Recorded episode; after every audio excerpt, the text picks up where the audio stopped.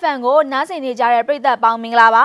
ဒီကနေ့စက်တင်ဘာလ၄ရက်မနက်10:00နာရီထိနောက်ဆုံးရရှိထားတဲ့သတင်းတွေကိုတင်ဆက်ပေးကြပါမယ်။တရုတ်ကဆိုင်နိုဖန်ကိုဗစ်ဆေးအလုံးသန်းနဲ့ကိုဗစ်ကာကွယ်ရေးပစ္စည်းရွမ်တန်း20ဘိုးကိုမူဆယ်မြစ်ကြီးနားနဲ့ကိုကန့်အတွက်ပို့ဆောင်လိုက်တဲ့သတင်း။ Eleven Media သတင်းထောက်ကိုဇော်မိုးဦးခံဝင်နဲ့ပြန်လွတ်လာတဲ့သတင်း။မိုးကုံမျိုးစီပင်ရုံးနဲ့လျှက်စစ်မီတာရုံးဘုံခွဲခံရတဲ့အကြောင်း စစ်ကောင်စီတပ်ကကြေးရွာအတွင်းရဲ့နေအိမ်နဲ့ဖုံးရင်ချောင်းမှာရှိတဲ့စံအိတ်တွေကိုရေနံစီလောင်းပြီးတော့မီးရှို့ဖျက်ဆီးခဲ့တာပါ။နိုင်ဂျီးရီးယားနိုင်ငံမှာပြန်ပေးဆွဲခံရတဲ့ចောင်းသူ83ဦးမှာ9ဦးကိုကယ်တင်နိုင်ခဲ့တဲ့တဲ့တင်စတဲ့ပြည်တွင်းနဲ့နိုင်ငံတကာကသတင်းတွေကိုရှုစားရမှာပဲဖြစ်ပါတယ်။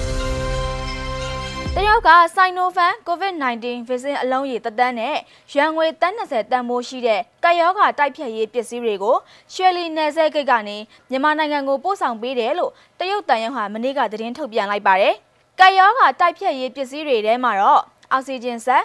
PPE ကာကွယ်ရေးဝတ်စုံတွေနဲ့ test kit တွေပါဝင်တယ်လို့သိရပါတယ်။အခုပို့ပေးတဲ့ကိုဗစ်ဆေးနဲ့ကာကွယ်ရေးပစ္စည်းတွေဟာမြန်မာနိုင်ငံမြောက်ပိုင်းဒေသတရုတ်မြန်မာနယ်စပ် မြန်မာနိုင်ငံဘက်အချမ်းကပြည်သူတွေအတွက်တည်တံ့အသုံးပြုမှာဖြစ်တယ်လို့ဆိုပါတယ်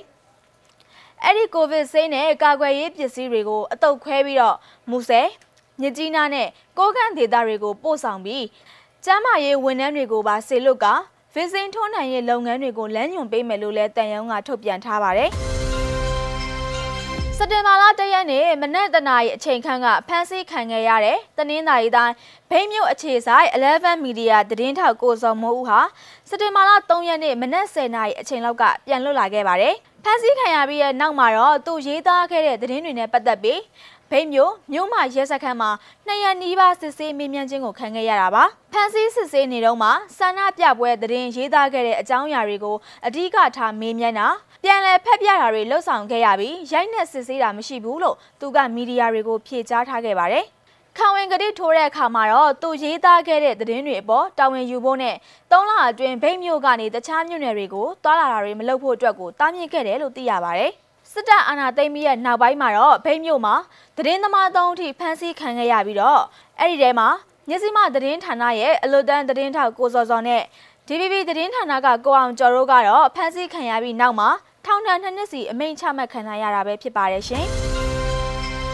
မန္တလေးတိုင်းမိုးကုတ်မြို့မှာမနေ့ကမနက်ပိုင်းကမြို့နယ်စီပင်ရုံးနဲ့မြို့နယ်လျှက်စစ်မီတာရုံးတို့ဘုံခွဲခံခဲ့ရပြီးတော့လူထိခိုက်မှုမရှိဘူးလို့ဒေသခံတွေစီကနေသိရပါဗျ။ လျှက်စစ်ရုံးကမနက်10:00နာရီဝန်းကျင်မှာပေါက်တယ်။အတန်ကတော့တိတ်မကျဲဘူး။မြို့နယ်စီပင်ရုံးကနေ့ကင်း2နာရီဝန်းကျင်မှာပေါက်တယ်။မှန်တွေကွဲသွားတယ်။အတန်လန်းတော်တော်ကျဲတယ်လို့ဒေသခံတအူးကပြောပါတယ်။မိုးကုတ်မြို့စီပင်ရုံးဟာပြည်သူတွေစီက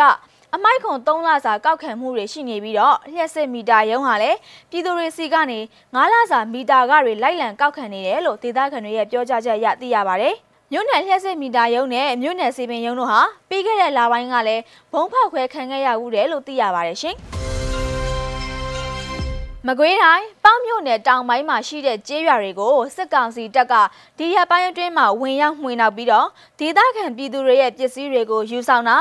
နေအိမ်တွေနဲ့ပစ္စည်းတွေကိုဖျက်ဆီးတာဖုံကြီးကျောင်းတချို့ရဲ့စံအိတ်တွေကိုရေနံစီလောင်းဖျက်ဆီးတာတွေပြုလုပ်ခဲ့တယ်လို့ဒေသခံတွေကပြောပါတယ်။တောင်ပိုင်း ဝန်ချုံကျေးရွာဖုံရင်ကျောင်းမှာစစ်တပ်နဲ့သူ့ရဲ့လက်ပါစီပြူစောတိအဖွဲ့တို့တက်ဆွဲကြရမှာတင်ချောင်းထဲမှာရှိတဲ့ပြည်သူတချို့လှူဒန်းထားတဲ့စံတွေကိုရေနံစီလောင်းဖျက်ဆီးခဲ့တဲ့အပြင်ဆိုင်ကယ်73စီးကိုလည်းစုပုံပြီးတော့မီးရှို့ဖျက်ဆီးခဲ့တယ်လို့ဒေသခံတွေရဲ့ပြောကြားချက်အရသိရပါတယ်။ဒါအပြင်စစ်ကောင်စီတပ်တွေဟာတောင်ဘက်ရွာစာတင်ကျောင်းမှာတက်ဆွဲပြီးတော့စာတင်ကျောင်းတကားတွေကိုရိုက်ဖြတ်တာတွေ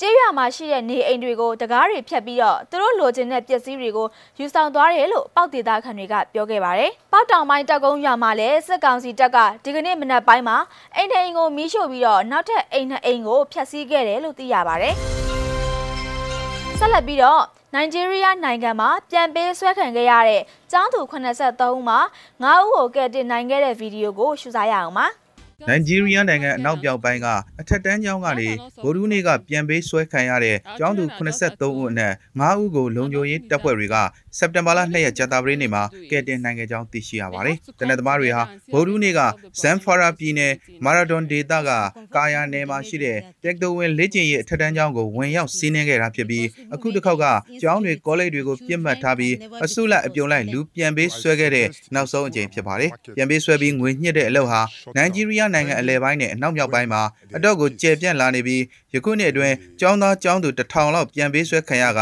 အများစုကပြန်လွတ်လာခဲ့ပြီဖြစ်ပါတယ်။ဂိုရူးနေ့ကပြန်ပေးဆွဲဖြစ်စဉ်အပြီးမှာဇန်ဖာရာပြည်နယ်အာနာပိုင်တွေကညပိုင်းကုန်းလန်းခီးသွာလာမှုတွေကိုကန့်တက်လိုက်ပြီးမူလာတန်းနဲ့တက်တိုဝန်ထမ်းကျောင်းတွေကိုယာယီပိတ်လိုက်ပါတယ်။2015ခုနှစ်ကရွေးကောက်ခံခဲ့ရတဲ့သမ္မတမိုဟာမက်ဒူဘူဟာရီဟာခုလိုနိုင်ငံတွင်းတည်ငြိမ်အေးချမ်းရေးပြတ်ပြားနေမှုအပေါ်ဖိအားများစွာရဲ့ဒဏ်ကိုခံနေရပါတယ်။လက်နက်ကင်တပ်တွေဟာကုန်းချောင်းရောလေချောင်းကပါတောင်ကျန်းသူစခန်းတွေကိုတိုက်ခိုက်နေပေမဲ့တောင်ကျန်းသူတွေကတော့တိုက်ခိုက်မှုတွေနဲ့ပြန်ပြီးဆွဲမှုတွေကိုဆက်လက်လှုပ်ဆောင်နေစေပဲဖြစ်ပါတယ်။ နားဆင်ပေးခဲ့တဲ့အတွက်ကျေးဇူးတင်ပါတယ်အားလုံးပဲတာယာလှပတဲ့မနက်ခင်းလေးကိုပိုင်ဆိုင်ကြပါစေရှင်